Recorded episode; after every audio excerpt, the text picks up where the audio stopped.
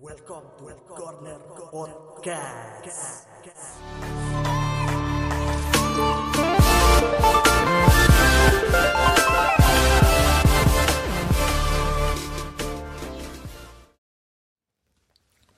Halo guys, welcome back to Corner Podcast. Episode ke-12 ini mau bahas tentang review pertandingan semalam. Nanti gue mau bahas tentang pertama Barcelona yang ditahan imbang Cadiz, lalu menyeberang ke Italia ada Derby della Madonnina. Inter mampu mempertahankan puncak klasmen, Lalu di Liga Inggris, dua Manchester yang sama-sama meraih tiga poin.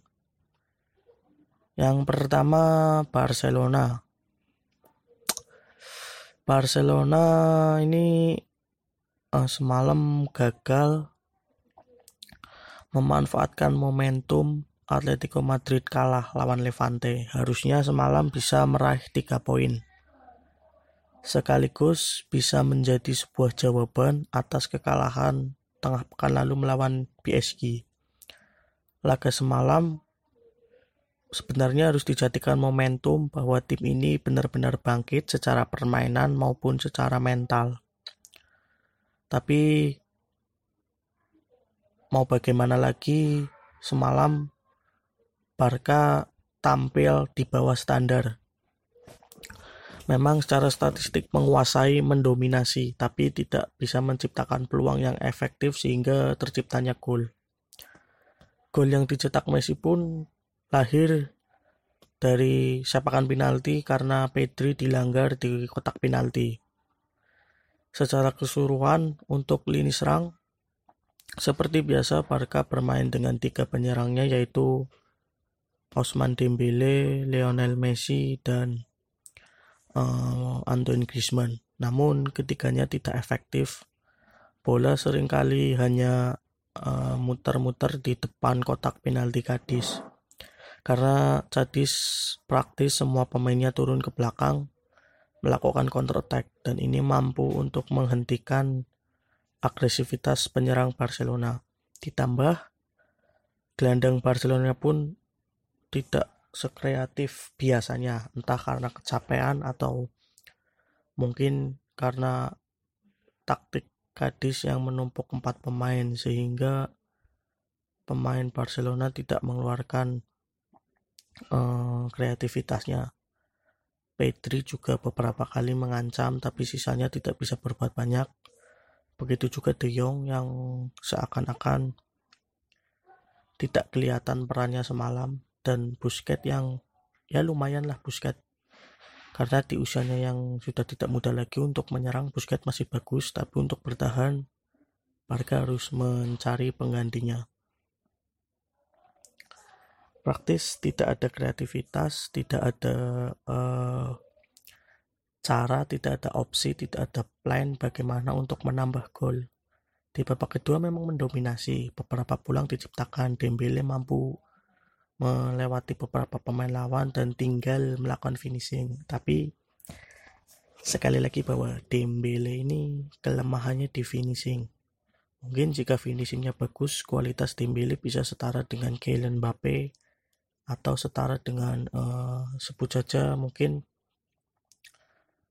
uh, Jadon Sancho atau Erling Haaland, pemain muda lainnya yang sedang dalam posisi performa terbaik tapi lagi-lagi Dembele menyia-nyiakan peluang sehingga Barca tidak mampu menciptakan gol yang bisa melebar jarak dan mengamankan tiga poin.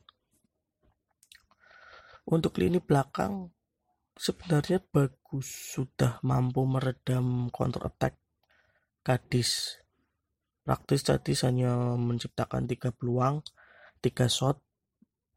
Tapi sekali lagi memang kesalahan individu yang harus Barca terima.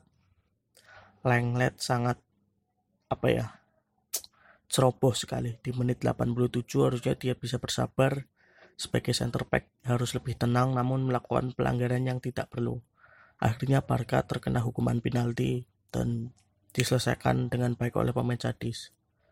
Menurut saya memang pemain seperti Lenglet, Um Titi uh, sudah habis masanya di Barcelona, perlu regenerasi baru. Karena beberapa kali dipercaya tampil tapi sering kali melakukan kesalahan sehingga Barca harus menelan kekalahan ataupun imbang. Di tim sekelas Barca tidak boleh terjadi hal seperti ini. Overall memang permainan Barca semalam tidak layak menang karena beberapa pemain bermain di bawah standar yang harusnya mampu mengamankan tiga poin untuk me memperkecil jarak dengan Real Madrid ataupun Atletico Madrid tapi Barca hanya meraih hasil imbang. Harus realistis memang. La Liga musim ini tampaknya tidak berada di Barcelona lagi. Oke untuk yang kedua derby Milan Inter Milan mampu menang meyakinkan 0-3 melawan AC Milan AC Milan yang berstatus sebagai tuan rumah tampil full tim mungkin hanya Ismail Benacer yang belum fit sehingga Pioli memainkan Sandro Tonali. Kalau ada peluang memang AC Milan ada peluang. Tapi Handanovic semalam tampil luar biasa, tampil apik. Justru malah Inter Milan yang mencuri gol lebih dahulu melewat Lautaro Martinez ini memang salah satu kelebihan Inter melakukan pressing uh, langsung ngegas di awal laga dan mencuri gol sehingga untuk menit-menit selanjutnya Inter tinggal mengontrol permainan dari AC Milan. AC Milan yang tidak ada kreativitas, tidak ada mis, tidak ada visi, hanya mengandalkan crossing dan hanya mengandalkan postur Ibrahimovic, kesulitan untuk menembus tiga pack Inter Milan yang kokoh. Ada Skriniar, Bastoni, dan uh, ada De Vrij. Lalu sayap AC Milan yang biasanya agresif yaitu Ante Rebic dan Makers dimatikan oleh Ashraf Hakimi serta Ivan Perisic yang keduanya ini naik turun rajin membantu pertahanan maupun menyerang. Untuk kredit sendiri untuk uh, Perisic yang mampu menciptakan dua assist. Tiga gelandang AC Milan pun kalah bertarung melawan tiga gelandang milik Inter Milan uh, Sandro Tonali, Frankesi, dan Calhanoglu tidak bisa berbuat banyak melawan tiga gelandang pekerja kelas Inter Milan yaitu semalam ada Nico Barella, ada uh, siapa itu yang asal dari Kroasia, Brozovic dan ada Christian Eriksen. Gelandang Inter Milan lebih efektif menciptakan peluang, menciptakan ruang sehingga gol-gol Inter yang terlihat simpel tapi justru ini langsung menjadi killing the game bagi AC Milan. Lukaku lagi-lagi uh, penyelesaian akhirnya sangat luar biasa dan sementara menjadi top skor Serie A dengan 17 gol. Lalu ada Lautaro Martinez, penempatan posisinya bagus. Ini menurut saya bisa jadi opsi penyerang Barcelona, tapi tentu harganya yang tidak murah.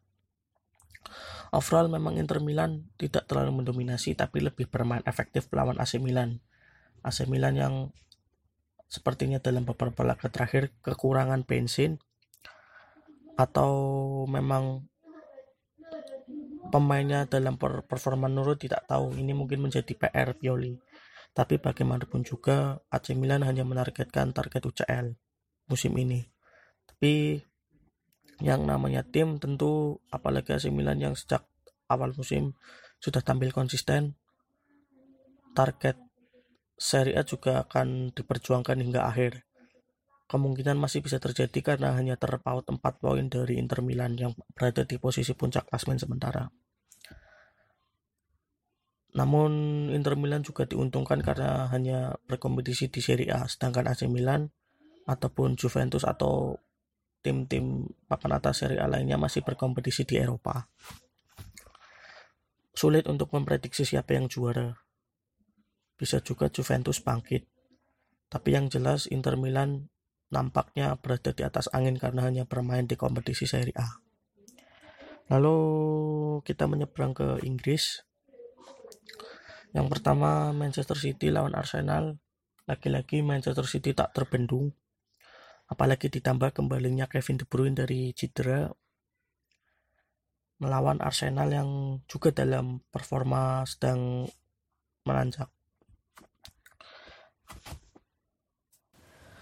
City tampil full team dengan uh, formasi andalannya 4-3-3, Cancelo, Stones, Diaz, uh, Sisenko, lalu di tengah ada Gundungan, Fernandinho dan Kevin De Bruyne. Di depan ada uh, Mahrez, Bernardo Silva dan Sterling. Untuk Arsenal sendiri menyimpan Lacazette di bangku cadangan dan memainkan Martin Odegaard pemain pinjaman dari Real Madrid. Keseluruhan memang Arsenal mampu mengimbangi Manchester City. Manchester City agresif agresivitasnya diredam oleh Arsenal.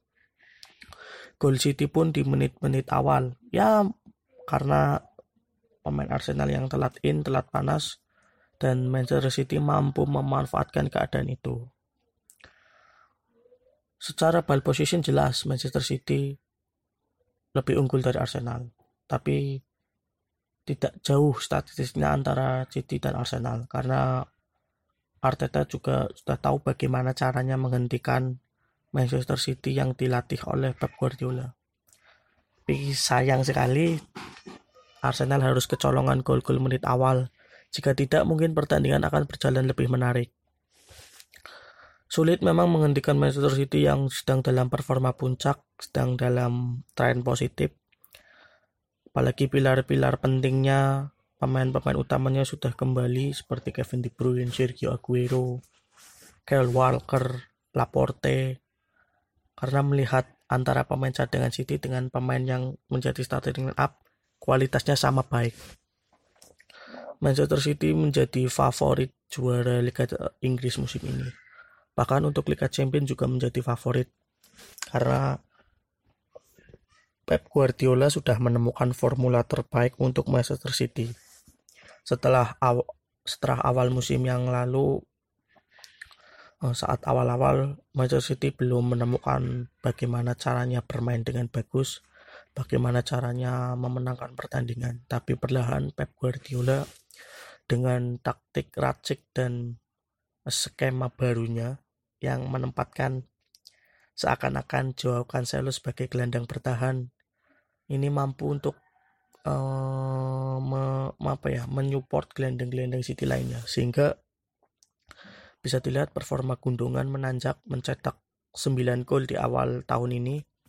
Pak padahal dia adalah seorang gelandang karena memang ini taktik Pep Guardiola yang uh, untuk menjadikan seorang gelandang menjadi mesin gol karena saat itu Sergio Aguero maupun Gabriel Jesus tidak dalam kondisi baik. Sepakat memang jika Manchester City juara Liga Inggris musim ini apalagi rival-rival terdekatnya seperti Man United, Liverpool, Chelsea, Everton, Leicester, Tottenham belum bisa sekonsisten Manchester City uh, untuk Liga Champions sendiri juga ini adalah target utama Guardiola karena selepas dari Barcelona Guardiola tidak pernah lagi mendapatkan gelar Liga Champions. Ya semoga aja Guardiola mampu me, apa ya mewujudkan cita-citanya. Karena pelatih sejenius Guardiola, pelatih sebaik Guardiola rasanya tidak adil jika hanya memenangkan Liga Champions hanya pada saat menangani Barcelona saja. Mungkin itu cukup episode pod, Corner Podcast episode 12 kali ini.